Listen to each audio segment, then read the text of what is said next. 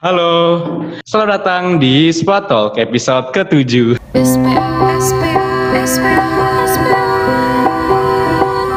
Selamat datang di SPA Talks.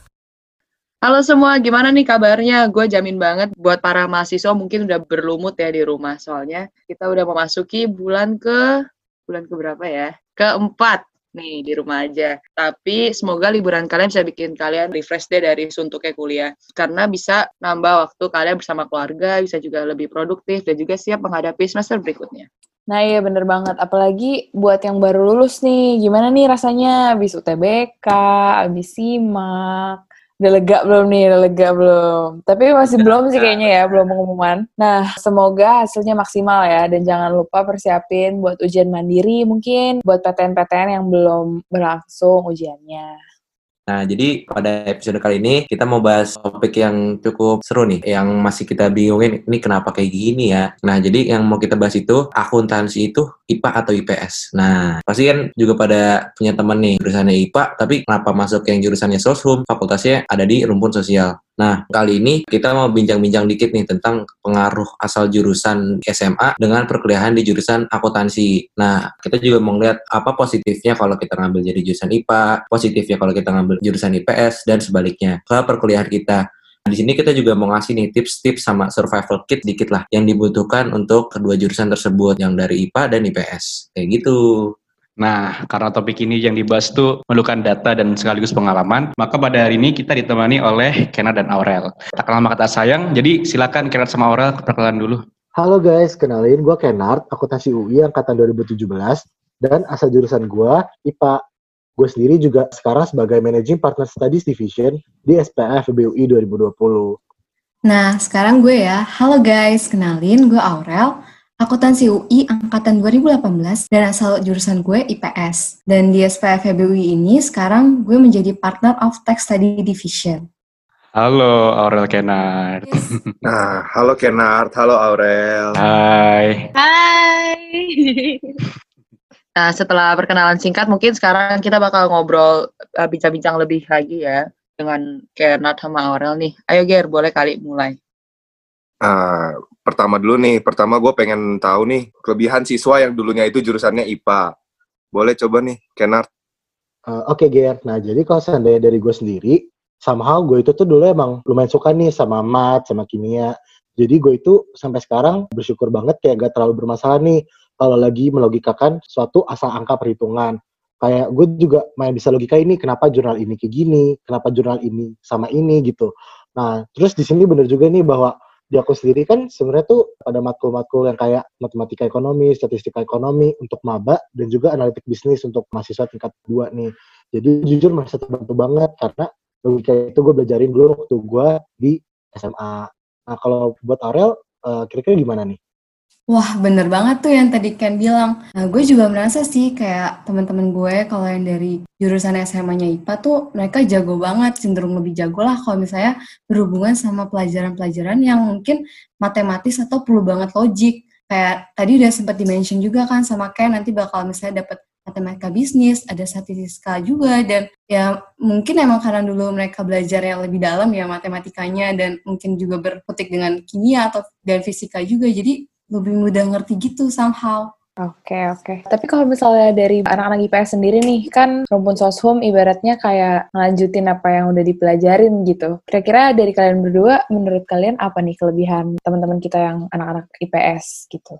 Nah, karena gue dari IPS sih, emang gue juga merasa sih kayak pas semester awal tuh banyak banget kebantu. Karena pelajarannya itu cenderung uh, beberapa tuh ngulang dari SMA kan. Jadi berasa lebih mudah dan bisa catch up gitu. Kayak lo nggak usah effort banget yang separah mungkin anak IPA harus lakukan. Pertama misalnya kayak di semester awal tuh masih dapet tuh kayak pengantar ekonomi, nanti juga masih ada pengantar akuntansi. Nah itu kelihatan banget kalau anak IPA itu cenderung lebih struggle di matkul-matkul itu. Karena mungkin ya mereka masih asing karena dulu nggak pernah belajar pas SMA. Sedangkan kayak gue dan mungkin teman-teman yang IPS dulu juga masih pernah ya dapet lah ya pelajaran ekonomi dulu. Jadi kayak uh, logiknya tuh masih nangkep banget gitu sih.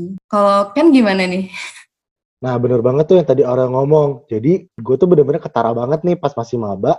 Pas sudah ketemu uh, pengantar ekonomi, agak bengong kayak waduh ini apa ya kayak jujur gue kesusahan banget nih pas masih matkul awal-awal kayak even pengantar ekonomi dan bahkan pengantar akuntansi uh, kayak basically tiga tahun belajar di SMA itu uh, jujur aja ditaruh cuma setengah semester doang nih di pengantar akuntansi jujur gue kesusahan banget apalagi cuma setengah semester kayak ngebut gitu kan belajarnya gue jujur perlu banget nih waktu itu kayak effort benar kata Aurel Nah, sebelumnya kan nih nilai tambah masing-masing jurusan yang dirasain pas masuk awal semester.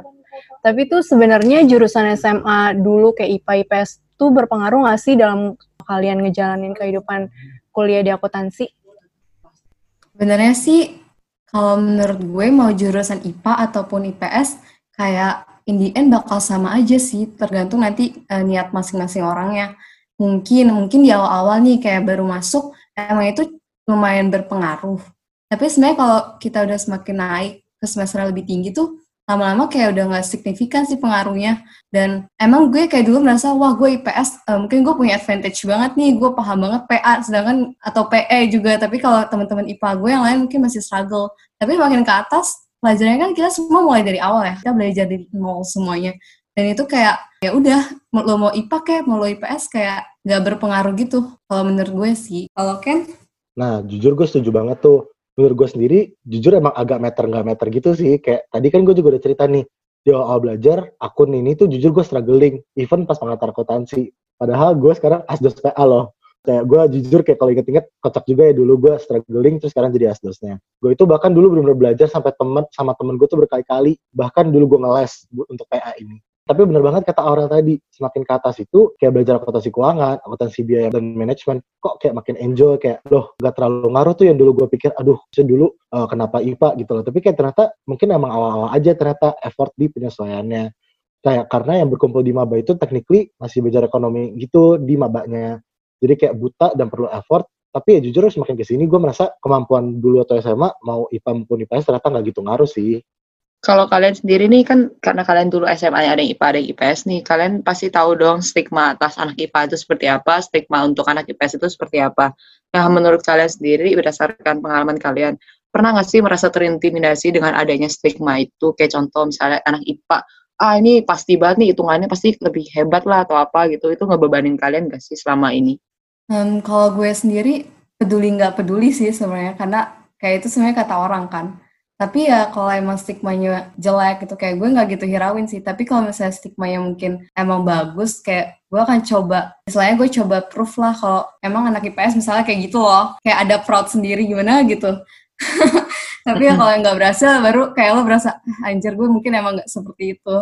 Kayak misalnya anak IPS dibilang ah kalau lo IPS tuh pasti jago lah hafalan. Padahal kan nggak semua anak IPS jago hafalan juga gitu sih Nah, kalau gue sendiri sih jujur, pertama-tama gue intimidated banget nih. Gue tuh dulu sial banget pas matkul pengantar ekonomi. Sekelasnya tuh sama anak-anak yang dulunya tuh SN-SN ekonomi. Jujur gue bener-bener dulu pertama kali, ini no exaggeration, cuma bener-bener bahkan sampai pengen nangis kali rasanya. Pas quiz PE gue pertama kali itu cuma 50-an, bener-bener legit 50-an. Nah, tapi begitu semakin ke atas, ternyata intimidasi yang gue rasain itu tuh mungkin karena gue memang melihat stigma itu somehow terjadi gitu di gue. Jadi gue intimidated, tapi sebenarnya semakin gue ke atas ya gue pikir, yang penting tuh effortnya aja sih. Ya sebenarnya bener gak benar bener kayak kata Aurel gitu. Kayak gak semua anak IPS itu ternyata juga jago hafalan. Gak semua anak IPA juga jago logika hitungan gitu.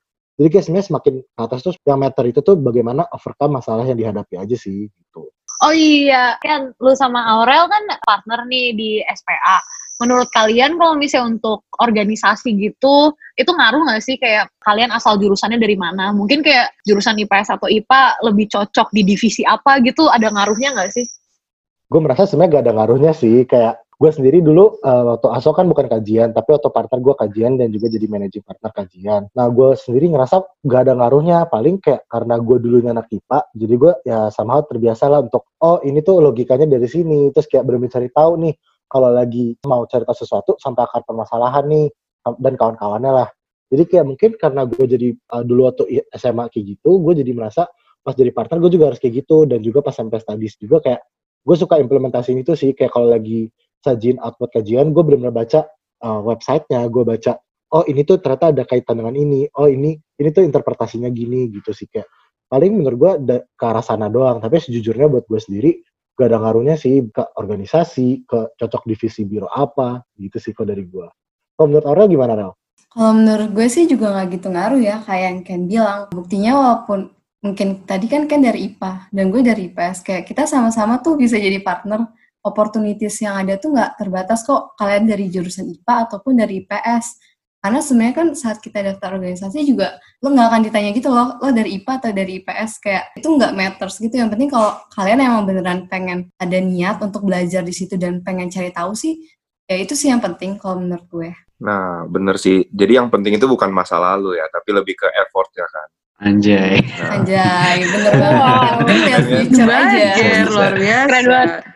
Jadi kita lanjut nih ya. Kita mau bahas polling nih yang udah kita lakuin di sosial medianya SPA, yaitu di Instagram. Nah, dari polling yang diadain, respondennya nih ada 234 orang.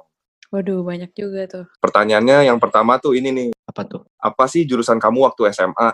Nah, dari 234 orang yang menjawab, 105 menjawab IPA, terus 129 menjawab IPS. Oh, baik baik IPS ya berarti ya. Iya, tapi imbang sih lumayan. Hampir imbang. Iya, berarti hampir 50-50 ya. Tapi belum tentu guys, belum tentu guys. Bisa aja yang IPA jiper guys, nggak dipencet itu. Aduh, tidak ada menyerang-menyerang jurusan ya di sini. Kita semua untuk pembelajaran di sini ya. bercanda. Terlalu orang Itu merasa ngetek biar. Maaf Gerard. Oke, terus dari pertanyaan berikutnya nih. Nah, kalau kamu jurusan IPA, pada mata kuliah apa kamu merasa kesulitan? Nah, terus kita ada yang tiga pilihan nih. Pilihan yang pertama itu pengantar akuntansi, akuntansi keuangan, dan akuntansi biaya. Pilihan kedua itu pengantar ekonomi, matematika ekonomi dan bisnis, dan statistika ekonomi. Pilihan terakhir adalah pengantar bisnis, pengantar manajemen, pengantar manajemen pemasaran, dan pengantar manajemen operasi. Nah, guys, jadi kami itu menyusun pilihannya berdasarkan mata kuliah nih. Ada yang mata kuliah dari akuntansi, ada yang mata kuliah ilmu ekonomi, ada yang mata kuliah dari manajemen. Dan ternyata, oh ternyata yang jurusannya IPA itu mengalami kesulitan nih di mata kuliah dari jurusan akuntansi dan jurusan manajemen. Gue mau nanya aja nih ke Kenard nih, kira-kira kenapa sih menurut lu anak IPA tuh agak kesulitan di mata kuliah ini? Sama boleh dijelasin kali kayak mata kuliah ini sebenarnya itu lebih ke hafalan atau gimana gitu. Oke, nah jadi sebenarnya gue sendiri merasa memang gue itu agak kesulitan di mata kuliah manajemen itu benar. Jadi kayak gue kesulitan di pengantar bisnis, pengantar manajemen, pengantar manajemen pemasaran, pengantar manajemen operasional. Karena uh, mata kuliah manajemen itu kebanyakan teori nih dan juga hafalan. Dan kayak waktu gue sama di IPA sendiri, mungkin ada nih hafalan di biologi. Tapi sejujurnya lebih sering ke logika dan perhitungan. Kayak memahami hitung ini dari sini. Mungkin rumus gue hafal, tapi uh, sebenarnya kan itu dilogikain gitu. Jadi kayak sebenarnya begitu ketemu mata kuliah manajemen yang kayak teori dan hafalan banget dan jujur susah dilogikain, sebenarnya mungkin bisa dilogikain, tapi gue gue juga merasa agak susah gitu kan. Kayak gue jujur kesulitan banget. Gue udah usaha kayak bikin rangkuman, bikin catatan, tapi ya mungkin belum sempurna itu kali gitu. Nah, tadi kan Gerald juga singgung nih bahwa memang agak slight margin nih dengan uh, mata kuliah yang pengantar akuntansi. Nah, jujur itu benar juga tuh karena waktu terutama pengantar akuntansi sih karena waktu gua di SMA, gua kan gak terlalu bertemu dengan akuntansi nih secara dalam kayak anak IPS. Jadi uh, benar-benar merasakan banget effort yang kayak mereka tuh ternyata belajar tiga tahun itu tuh ternyata cuma setengah semester di pengantar akuntansi. Jadi kayak gue effort banget untuk mengejar yang mereka bisa belajarin dulu tiga tahun, gue perlu effort cuma setengah semester doang. Itu jujur gue perlu uh, benar-benar belajar sama teman, ngeles dan kawan-kawan gitu sih. Setuju sih gue sebagai anak IPA.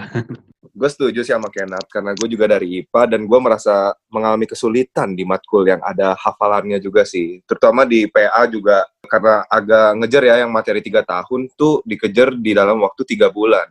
Nah, jadi pertanyaan ketiga itu, atau pertanyaan terakhir, ada kalau kamu jurusan IPS, nah, pada mata kuliah apa nih kamu merasa kesulitan?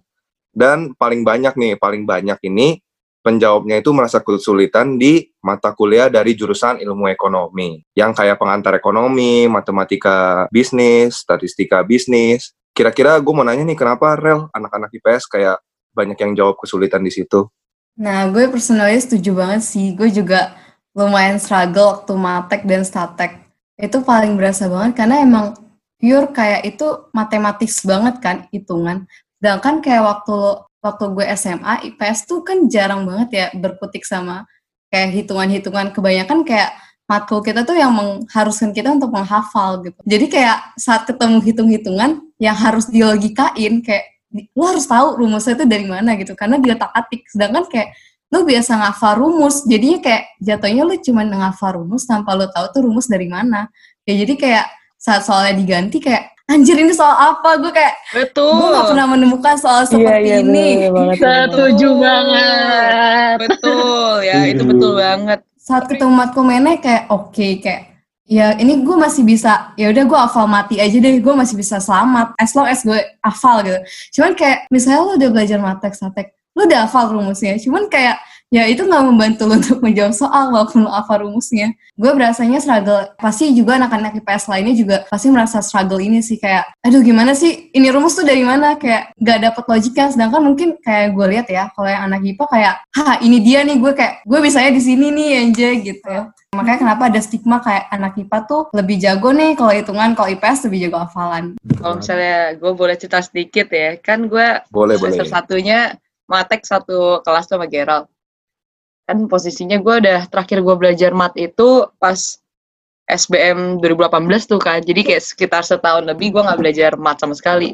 Terus gue bener-bener lupa itu integral tuh artinya apa, turunan apa tuh gue udah lupa dah intinya. Terus kayak gue liat Gerald nih, dia memperhatikan banget di kelas kan dengan segala effortnya dia mendengarkan gitu, padahal dia anak IPA kan. Gue kayak, gue berusaha mendengarkan, gue udah kayak, oh oke nih, kayak gue bakal bisa. Kalinya soal diubah, gue kayak, hmm, apa nih? Gitu kan. Terus gue liat kayak Gerald ini Jo tinggal di gini gini. Gini terus gue gue kayak aduh aduh aduh mati lah gue gue goblok banget nih. Gue mikir gitu. Pas gue tanya Gerald Ger kok lu bisa? Iya nih ini mah di mat minat ada nih kayak gini gini gue kayak ah bukan gue yang bodoh hanya gue yang tidak belajar saja. Sampai akhir matek pun sampai uas tuh gue masih kayak struggle parah sih. Dan jujur menurut gue matek lebih susah daripada statek kalau buat gue sendiri Emang sih, maksudnya kayak gue ngerasa sebagai anak IPS biasanya kita mungkin di gue kali ya di SMA gue terbiasanya ya udah lu dikasih rumus, dikasih angka, eh, ya udah lu pelajarin aja, nanti lu masukin tinggal masuk masukin angka. Di kuliah tiba-tiba nih kemarin mikro, gue udah pelajarin nih latihan soal angka banyak macem-macem. Eh yang keluar soalnya pembuktian rumus kan kagak ngerti tuh asal rumus dari dewa mana gue. Bener banget, setuju banget. Waktu ngeliat nomor satu, eh, ini sama dengan ini. kayak gue udah kayak, hmm, em, oke. gue gue cuman kayak ini siapa sih yang Kayak menginfoin alfa dan beta? Kenapa nggak ada angka? Cuman alfa beta Betul, betul. doang, lambda. Ini karena dulu mat mat juga mat di SMA itu yang buat IPS tuh matnya walaupun matematika umumnya gitu basic banget gitu loh ibaratnya kayak sama-sama mat dengan anak IPA tapi tingkat level soalnya tuh cuma cetek lah ibaratnya menurut gua untuk yang SMA IPS makanya itu salah satu faktor yang bikin mungkin mayoritas dari anak-anak IPS tuh mengalami kesulitan banget sih di matkul-matkul IE yang notabene-nya tuh hitungannya banyak banget gitu Kayak biasanya kita kayak ngitung tuh yang belakangnya nolnya ada tiga gitu kan, nol titik nol nol nol gitu kan. Ini kita suruh ngitung Iya. ada hurufnya gitu kan. Itu kayak iya ah gitu, nggak nyampe gitu otaknya. betul betul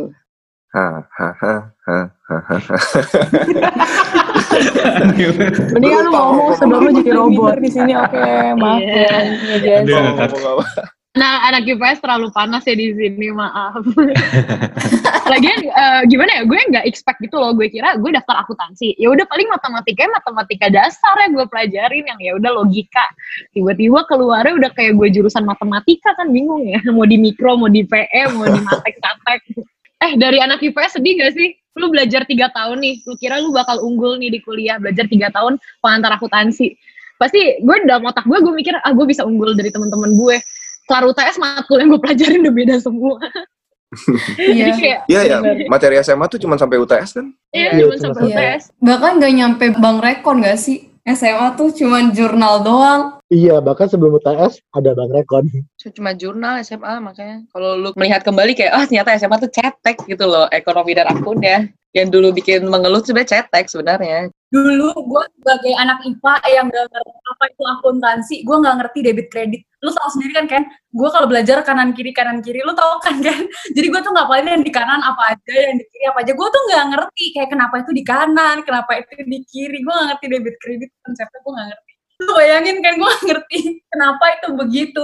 Karena gue biasa kayak kayak misalnya kayak tadi pembuktian rumus itu kan jelas kan ini asalnya dari sini turunannya dari sini gitu kan. Sedangkan kalau misalkan ini tuh gue nggak dapet gitu loh. Ini kenapa kenapa dia masuk aset? Kenapa dia kayak gitulah pokoknya intinya kayak. Kenapa harus begitu equationnya? Jadi gue mempertanyakan itu sih guys. Aku balikan tau kalau kita IPS nggak peduli Tuh mau dari mana kayak tuh rumus. Yang penting ya udah gue gunain aja. Yang penting gue bisa menjawab soal itu. Dan jawaban gue dengan teman-teman gue sama. Itu artinya gue benar. Walaupun kita bisa bersepuluh salah, yang penting kita sama. Gak apa-apa. Iya, kayak anak IPS hidupnya gitu deh. Kayak kalau di IPS kita nggak pernah diajarin pembuktian deh, karena matkul kita dari dulu matkul yang emang udah ada dasarnya ya udah gitu loh, lo ikutin aja pelajari. Iya, guru mat gue tuh ngajar, maksudnya rumusnya seperti ini. Dia ceritain backstory-nya kenapa rumus ini bisa seperti itu. Lalu di akhirnya dia bakal ngomong, dia ngomong gini, tapi nggak apa-apa kalian nggak usah perhatiin, yang penting kalian hafal rumusnya. Ya itu kan mencegah saya untuk mengerti dan menghafal ya kan. Jadi gue kayak, hmm, oke pak, Eh, guru gue juga ngomong gitu. ya kan Nin? Iya ini nggak usah dipusingin, nggak apa-apa. Ini mungkin teman-teman kalian yang di IPA. Alah saya yang struggle bapak, bapak. Hai, sebelum kita lanjutin obrolan seru di Spatox episode hari ini, ada sedikit info nih dari Kak Jocelyn. Yuk dengerin. Nah, segitu aja nih info dari kita. Yuk lanjut ke obrolan seru kita tadi.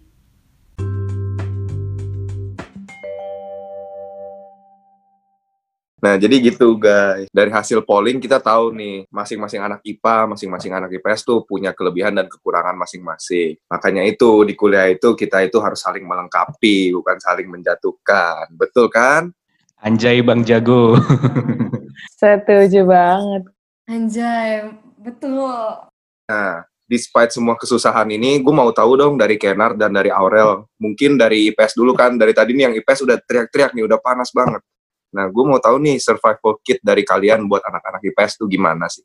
Wah ya nih, kalau yang menurut gue ya, kayak pertama kali emang harus belajar yang niat dan serius banget deh. Karena kayak materinya kan kuliah tuh banyak banget ya, beda banget kayak pas SMA. Dan kayak overwhelmed banget lah dengan materinya itu gue merasanya. Banyak orang yang bilang kayak, sebenarnya lo harusnya belajar nih dari sebelum masuk kelas. Tapi ya jujur aja ya, kayak gue juga nggak belajar sebelum kelas kayak terlalu sulit untuk melakukannya. Yang penting kalian belajar aja sih pas mau UTS UAS tuh itu yang penting sih. Yang kedua menurut gue juga Nah, pas deket-deket ujian tuh, kalian juga banyakin lah kerjain soal dari tahun lalu gitu, biar kalian tuh bisa tahu gambaran soalnya nanti kira-kira kayak gimana.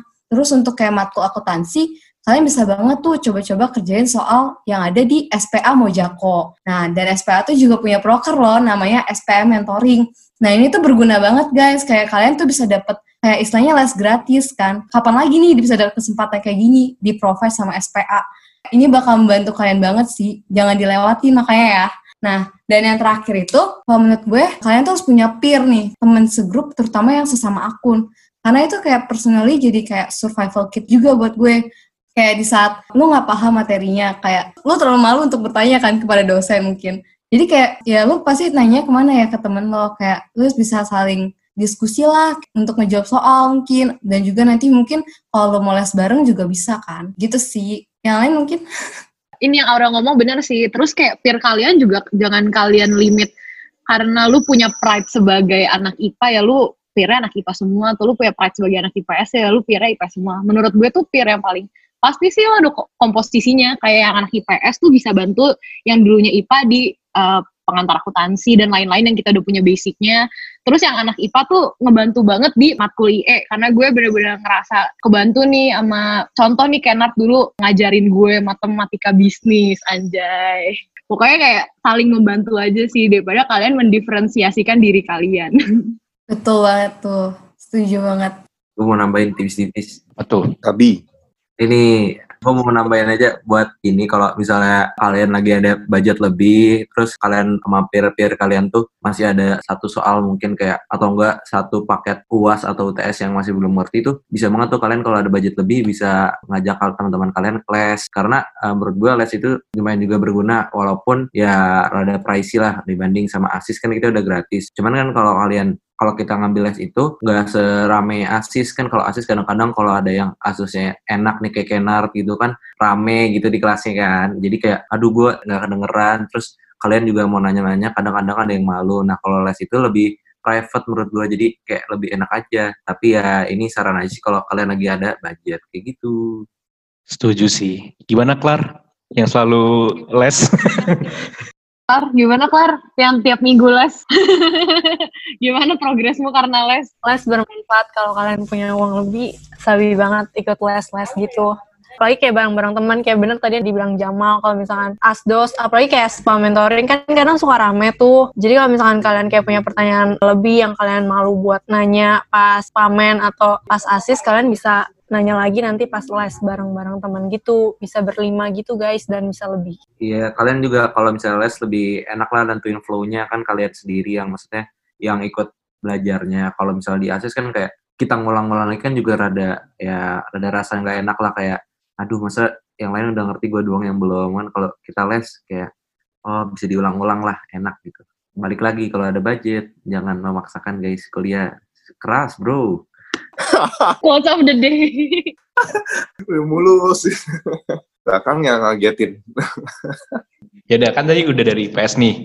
Nah kalau dari kalau buat anak IPA nih, buat maba atau yang udah masuk di akuntansi, menurut lu gimana, Ken, buat survive di akun UI? Oke, pertama-tama gue ngomong dulu bahwa it might be hard at the beginning, but it will be an amazing journey at the end. Kayak hang on there gitu loh, karena emang awalnya tuh susah banget, gue juga effort, tapi tenang aja, begitu ke belakangnya tuh itu bakal menjadi pengalaman yang menarik dan perjuangan gitu loh. Nah, lalu gue juga, ini nih, gue mau rekomen banget, bener kata Aurel tadi. Jadi sebenarnya tuh penting banget kalian tuh perbanyak temen tuh dari sekarang. Tapi jujur gue sendiri rekomen untuk jangan lupa perbanyak temen akuntansi. Kenapa? Karena semakin ke semester 3, semester 4 sampai akhir, itu tuh bakal ketemunya kan mata kuliahnya tuh perjurusan gitu. Jadi kayak emang bakal deketnya sama teman akun doang. Jadi jangan sampai gak ada teman seperjuangan gitu loh. Jadi gue juga dulu memang pertama-tama pikir, ah nggak ada gunanya lah. Tapi ternyata begitu semester 2, oh udah mulai berasa nih, oh ini teman-temannya udah matkul akun semua nih. Jadi kayak gue merasa bahwa itu penting banget. Terutama semester 3, semester 4 itu udah matkul akun. Dan ya kayak gue sekarang semester 6 mau ke 7 itu udah satu matkul, itu anak akun semua gitu loh. Jadi bener banget tuh, jangan batasin teman-teman kalian. Dan kata LD tadi juga bener, jangan batasin kayak, oh gue anak IPA, berarti gue bakal cari teman anak IPA doang. Salah banget, justru jangan kayak gitu. Bener kata LD, harus saling lengkapin lah. Bahkan di peer gue sendiri, gue itu satu-satunya anak IPA, sisanya anak IPS. Jujur, jadi kayak saling ngelengkapin aja sih menurut gue itu bener banget. Terus, ini jujur tips dari gue sendiri sih, karena gue itu dari dulu suka ngajar, jadi gue tuh emang somehow berusaha gitu loh, kayak untuk mencoba ngajarin teman sepir gue, dan dengan gue mengajar, gue kan harus belajar duluan gitu loh. Jadi kayak gue somehow harus belajar lebih keras untuk make sure gue tuh nggak salah ngajar ke teman-teman gue sendiri. Jadi itu tips dari gue, gue tuh selalu berusaha memahami gitu. Makanya pas gue ngajarin teman peer gue, mereka tuh kayak gue bisa yakin dan gue eh, make sure bahwa gue tuh udah belajar dan itu materi yang benar gitu loh. Dan uh, terakhir banget, bener nih tadi Aurel dan yang lain udah nyinggung bahwa penting gitu loh untuk ikut ASIS. Kenapa? Karena di ASIS itu kan di drill soal gitu loh, dibahas soal-soal yang menjelaskan atas teori di kelas. Jadi mungkin memang somehow jadi yang salah satu jenis soal yang bakal keluar di UTS UAS. Dan itu menurut gue penting banget untuk emang latihan tuh dari ASIS gitu loh. Dan ya mungkin kalau sana emang masih kurang, bisa nanya ke asdosnya atau ngeles kayak kata yang lain.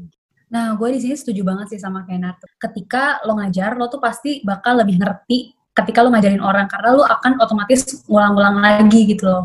Dan itu gue setuju banget sama Kenneth. Karena gue juga merasakan hal itu. Ketika misalkan mungkin lu sekarang udah di tingkat 2, tingkat 3, uh, lu bisa ngelesin orang, tutorin orang. Kalau menurut gue pribadi, lakukanlah guys. Kenapa? Karena it's good buat kalian refresh memori kalian ke materi-materi dasar gitu. Karena itu akan kepake terus. Di akuntansi itu mata kuliahnya apa ya? Kayak step by step gitu loh. Jadi ketika kalian ambil pengantar akuntansi, terus tiba-tiba uh, akuntansi keuangan satu, akuntansi keuangan dua, akuntansi keuangan lanjutan, nanti kalau mau lanjutan dua juga ada kayak gitu. Jadi berurutan gitu. Jadi menurut gue it really helps ketika kalian uh, menguasai materi-materi yang dasar gitu karena nggak akan pernah dilupakan gitu akan selalu kepake Bener banget kata Talia tadi. Oke, okay. mungkin ini pertanyaan last but not least ya, guys. Dan sedikit kontroversial mungkin untuk beberapa orang. Menurut kalian, gimana sih pendapat kalian tentang undangan masuk ke akuntansi untuk anak-anak yang IPA? Jujur ya sih, sekarang banyak banget ya kayak anak IPA yang bisa dapat undangan. Dan kayak temen gue juga ada sih yang dari IPA dan dia dapat undangan akun UI di saat kayak jurusan IPS tuh banyak banget juga sebenarnya pengen undangan di akuntansi. Sebenarnya kayak sebagai anak IPS realistically ya berasa sih kayak kok agak nggak adil ya? Kayak sebenarnya akuntansi itu kan kayak fieldnya anak IPS gitu ya secara nggak langsung. Karena kayak kita yang belajar itu dari dari awal masuk kita belajar gitu. Terus tiba-tiba kayak anak IPA kayak gue mau ah kayak gue pengen akun. Kesannya kayak gitu. Jadi kayak memang banyak yang kayak berpikir kayak anak IPA ini mengambil lahan anak IPS. Tapi ya sebenarnya kayak kalau gue personally ya gue nggak gitu. Gue kayak nggak masalah kalau anak IPA tuh dapat undangan di jurusan yang sosum mungkin, terutama di akun. Karena emang mungkin mereka punya kredibilitas lah, emang mereka mampu, makanya kenapa mereka bisa dapat undangan. Ya emang sih ada agak gak adilnya, tapi in the end ya mungkin emang itu juga salah satu keunggulan untuk anak IPA ya, karena mungkin bisa cross jurusan kayak gitu. Sedangkan kalau untuk kita anak IPS, pilihan kita memang ya udah kayak misalnya di sosum aja gitu. Mungkin gimana nih dari Ken, yang anak IPA dulunya? Oke, uh, jadi gue mungkin pertama-tama mau minta maaf on behalf of semua anak IPA yang keterima undangan ke jurusan akuntansi UI. Jadi kayak gue sendiri emang salah satunya nih yang dari IPA terus keterima undangan ke akun UI dan dari swasta juga. Tapi jujur sebenarnya untuk alasan kalau tadi kan uh, gue sendiri kalau ada yang nanya kayak uh, anak IPA akhir-akhirnya nggak jauh dari ekonomi karena nggak tahu mau ngambil jurusan apa lagi sebenarnya karena keluarga gue itu juga kebetulan akuntansi gitu yang lain jadi kayak gue mikir ya udahlah itu lagi aja toh gue udah tahu ada apa yang bakal gue hadapin di ke depannya gitu Nah, tapi jujur gue juga sampai sekarang masih nggak tahu nih rahasia ilahi apa yang terjadi gitu. Kayak kenapa bisa dari IPA bisa keterima di akun UI. Tapi kalau kata guru SMA gue tuh sebenarnya katanya kalau untuk anak undangan itu tuh yang penting itu maintain nilainya nih di seluruh jenjang pembelajaran. Jangan sampai kayak waktu di kelas SMA 1 bagus, SMA 2 turun, SMA 3 naik turun atau gimana kayak uh, yang paling penting itu maintain. Jadi kalau bagus bagus terus atau yang lebih mending itu dari jelek ke bagus gitu kalau kata guru gua. Nah, jadi kalau kata guru gue ya, nilai gue itu dulu tuh di trace itu rata-rata untuk semua pelajaran setiap semester itu nggak pernah di bawah 90. Jadi mungkin uh, gue sendiri emang merasa bahwa gue tuh tergolong jahat karena jujur ada teman baik gue yang dari IPS tuh malah nggak keterima gitu loh, kayak bener kata Aurel tadi. Gue juga waktu pertama-tama menerima pengumuman, gue nggak enak, gue bahkan nggak mau ketemuin dia gitu loh. Gue sampai minder lah, gue nggak mau ketemu dia, kayak gue takut gitu dicap sebagai orang jahat. Tapi sebenarnya menurut gue itu at the end of the day itu ada faktor dari luck juga gitu loh guys. Uh, maksudnya kayak ya mungkin Tuhan punya rencana dan takdir gitu loh. Nah, tapi yang paling penting tuh menurut gue itu berdoa. Karena dulu juga gue berdoa mati-matian gitu loh, omong setiap hari. Ya semoga bisa jodoh lah dengan akuntansi UI. Dan ternyata ya mungkin doa gue kejawab. Doa gue kejawab dengan seiring usaha gue sama di SMA gue maintain nilai gue selalu segitu di SMA 1 sampai SMA 3 gitu. Namanya udah rezeki ya, udah rezeki. Udah rezeki orang nggak mungkin ketuker lah intinya tuh kayak gitu. Tapi jangan tapi jangan pede, jangan pede. Udah di atas 90 juga belum tentu dapat undangan. bener juga, itu bener sih. Makanya mungkin ada faktor takdir gitu kali ya. Tapi di tahun gue tuh udah sempet dikurangin gitu loh buat anak IPA. Jadi kayak nilai anak IPA bisa masuk jurusan IPS. Cuman lu dikurangin berapa persen gitu nilainya. Bener gak sih kayak gitu? Kalau kata guru sama gue bener iya ada yang dikurangin atau diapain gitu. Pokoknya ada justifikasinya gitu. Uh, uh, jadi kayak kalau nilai lu bener-bener wow gitu kayak itu baru tuh kayak bisa aja. Cuman kalau misalnya pas gitu mendingan sih kayaknya sayang nilai gak sih? Cuman kalau menurut gue ya kalau anak-anak IPA masuk ke IPS gitu fine-fine aja gak sih? Kayak kayak di sekolah gue sendiri itu ada 8 kelas nih satu angkatan. Dan 6 kelas itu IPA IPS-nya dua kelas. Terus IPA-nya itu kayak satu kelas hampir 40 38 terus IPS-nya tuh kayak pas-pasan 35, 34 kayak jadi anak IPA-nya tuh banyak banget dan anak IPS-nya tuh banget. Nah, jadi cuman kalau gue mikir kayak pindah ke IPS ambil aja kayak satu angkatan tuh cuman kayak 10 sampai 20-an orang dari anak IPA terus anak IPS-nya emang dikit sedangkan jurusan sosum itu lumayan banyak walaupun gak sebanyak IPA kayak jadi kalau misalnya ada yang pindah nggak terlalu mempengaruhi persaingan gue gitu loh. Jadi kayak mereka pindah ke IPS terus ngajarin gue yang matematika. Jadi sama-sama saling melengkapi tadi kayak LD bilang. Seperti itu. Jadi ini pikiran yang menurut gue netral lah. Nggak terlalu menyerang atau ofensif gitu. Nah gitu. Iya iya iya. Eh tapi gue juga juga ada pengalaman lucu. Jadi gue baru tahu waktu gue kelas 12 itu kalau ternyata sekolah gue itu melarang dalam tanda kutip sebetulnya nggak ada uh, aturan tertulisnya juga sih tapi kayak melarang secara nggak langsung untuk teman-teman IPA ngambil jurusan IPS di undangan uh, especially di PTN apalagi kan karena gue sekolah swasta peminat PTN-nya itu termasuk sedikit dan teman-teman gue yang minat PTN itu bener-bener ya udah itu tuh their first choice gitu loh. Biasanya kan ada yang kayak gue mau ke sini mau ke sini mau ke sini gitu kan. Terus karena sekolah gue sekolah swasta yang mau PTN tuh emang bener-bener cuma mau di PTN itu gitu misalnya. Nah guru-guru gue tuh kayak secara nggak langsung mengencourage teman-teman gue yang IPA untuk kayak oke kalau misalnya lo mau IPS itu terserah lo kayak kita nggak maksa. Cuma maksudnya eh, yang penting lu bertanggung jawab dan lu bener-bener pengen jurusan itu bukan kayak sekadar lu kayak ah gue nggak tahu mau apa nih ini aja deh gitu kayak maksudnya lu sebisa mungkin lu bertanggung jawab sama pilihan lu karena mau gimana pun ceritanya pilihan lu itu akan mempengaruhi orang-orang lain juga karena kan gimana pun ceritanya pendaftaran itu bersaing gitu sih Ada yang mau ditambahin nggak dari Kennard sama Aurel nih? Eh, kalau dari gue sendiri sih sebenarnya gue merasa ya sejujurnya akuntansi itu gak bisa dibilang kayak oh itu tuh an- hanya untuk anak IPS atau hanya anak- untuk anak IPA. Akuntansi itu menurut gue tuh sebenarnya terdiri dari dua bagian itu sih kayak tadi sendiri kita udah ngomong bahwa ternyata saling melengkapi baik dari mata kuliah yang kesusahan baik dari sisi how to survive-nya menurut gue kayak intinya menurut gue anak IPA maupun anak IPS tuh dua-duanya tuh bakal tetap bisa menjadi orang yang keren gitu loh di akuntansi ini dan menurut gue penting banget justru dengan ada IPS dan IPA atau SMA itu saling melengkapi dan saling ngebantu gitu selama proses perkuliahan di akuntansi UI ini gitu. Mantap, setuju banget sih sama yang Ken bilang. Sebenarnya in the end, akuntansi tuh emang gak bisa digeneralisasi kayak untuk IPA atau IPS karena balik lagi ya kita saling melengkapi aja sebenarnya di suatu jurusan ini.